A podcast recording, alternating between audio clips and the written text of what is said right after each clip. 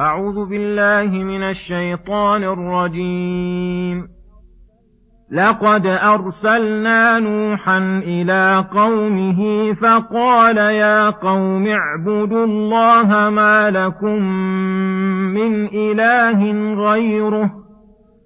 إني أخاف عليكم عذاب يوم عظيم. قال الملأ من قومه إنا لنراك في ضلال مبين. قال يا قوم ليس بي ضلالة ولكني رسول من رب العالمين. أبلغكم رسالات ربي وأنصح لكم وأعلم من الله ما لا تعلمون أوعجبتم أن جاءكم ذكر من ربكم على رجل منكم لينذركم ۖ لينذركم ولتتقوا ولعلكم ترحمون. فكذبوه فأنجيناه والذين معه في الفلك وأغرقنا الذين كذبوا بآياتنا. إنهم كانوا قوما عمين.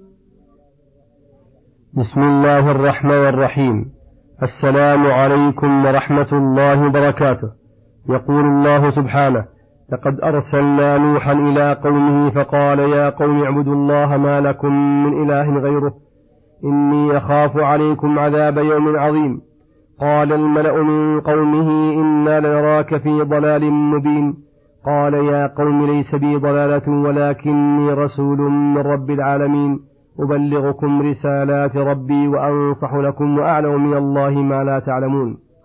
أو عجبتم أن جاءكم ذكر من ربكم على رجل منكم لينذركم ولتتقوا ولعلكم ترحمون. فكذبوه فأنجيناه والذين معه في الفلك وأغرقنا الذين كذبوا بآياتنا إنهم كانوا قوما عمين لما ذكر تعالى من أدلة توحيده جملة صالحة أيد ذلك بذكر ما جرى للأنبياء الداعين إلى توحيده مع أممهم المنكرين لذلك. وكيف أيد الله أهل التوحيد؟ وأهلك من عاندهم ولم ينقد لهم. وكيف اتفقت دعوة المرسلين على دين واحد ومعتقد واحد؟ فقال عن نوح أول المرسلين لقد أرسلنا نوحا إلى قومه يدعوهم إلى عبادة الله وحده. حين كانوا يعبدون الأوثان فقال لهم يا قوم اعبدوا الله أي وحده ما لكم من إله غيره لأنه الخالق الرازق المدبر لجميع الأمور وما سواه مخلوق مدبر ليس له من أمر شيء. ثم خوفهم إن لم, يطيعوا إن لم يطيعوه عذاب الله فقال إني أخاف عليكم عذاب يوم عظيم. وهذا من نصحه عليه الصلاة والسلام. وشفقته عليهم حيث خاف عليهم العذاب الأبدي والشقاء السرمدي كإخوانه من المرسلين الذين يشفقون على الخلق أعظم من شفقة آبائهم وأمهاتهم. فلما قال لهم هذه المقالة ردوا عليه أقبح رد قال الملأ من قومه أي الرؤساء الأغنياء المتبعون الذين قد جرت العادة باستكبارهم على الحق وعدم انقيادهم للرسل إنا لنراك في ضلال مبين. فلم يكفهم قبحهم الله أنهم لم ينقادوا له بل استكبروا عن الانقياد له وقدحوا فيه أعظم قدح ونسبوه إلى الضلال ولم يكتفوا بمجرد الضلال حتى جعلوه ضلالا مبينا واضحا لكل أحد. وهذا من أعظم أنواع المكابرة التي لا تروج على أضعف الناس عقلا. وإنما هذا الوصف منطبق على قوم نوح الذين جاءوا إلى أصنام قد صوروها ونحتوها بأيديهم من الجمادات التي لا تسمع ولا تبصر ولا تغني عنهم شيئا.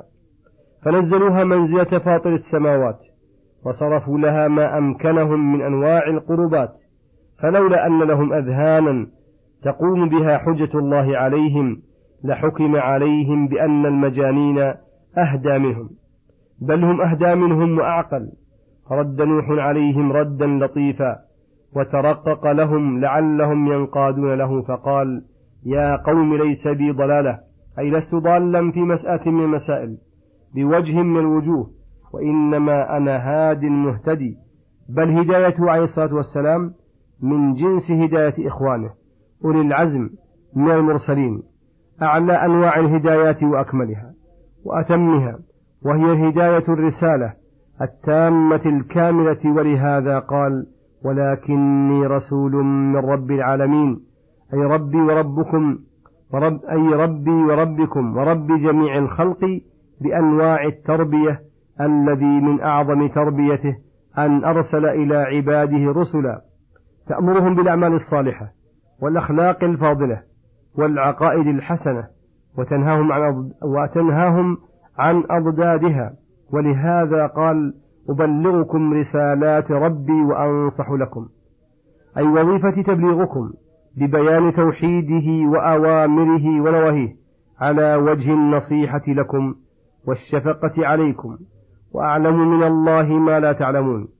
فالذي يتعين أن تطيعوني وتنقادوا لأمري إن كنتم تعلمون. أو عجبتم أن جاءكم ذكر من ربكم على رجل منكم. أي كيف تعجبون من حالة لا ينبغي العجب منها؟ وهو أن جاءكم التذكير والموعظة والنصيحة على يد رجل منكم تعرفون حقيقته وصدقه وحاله. فهذه الحال من عناية الله بكم وبره وإحسانه الذي يتلقى بالقبول والشكر. وقوله لينذركم ولتتقوا ولعلكم ترحمون. أي لينذركم العذاب الأليم. وتفعلوا الأسباب المنجية من استعمال تقوى الله تعالى ظاهرا وباطنا. وبذلك تحصل عليهم وتنزل رحمة الله الواسعة. فلم يفيد, فلم يفد فيهم ولا نجح. فكذبوه, فأن فكذبوه فأنجيناه والذين معه في الفلك. أي السفينة التي أمر الله نوحا عليه السلام بصنعها.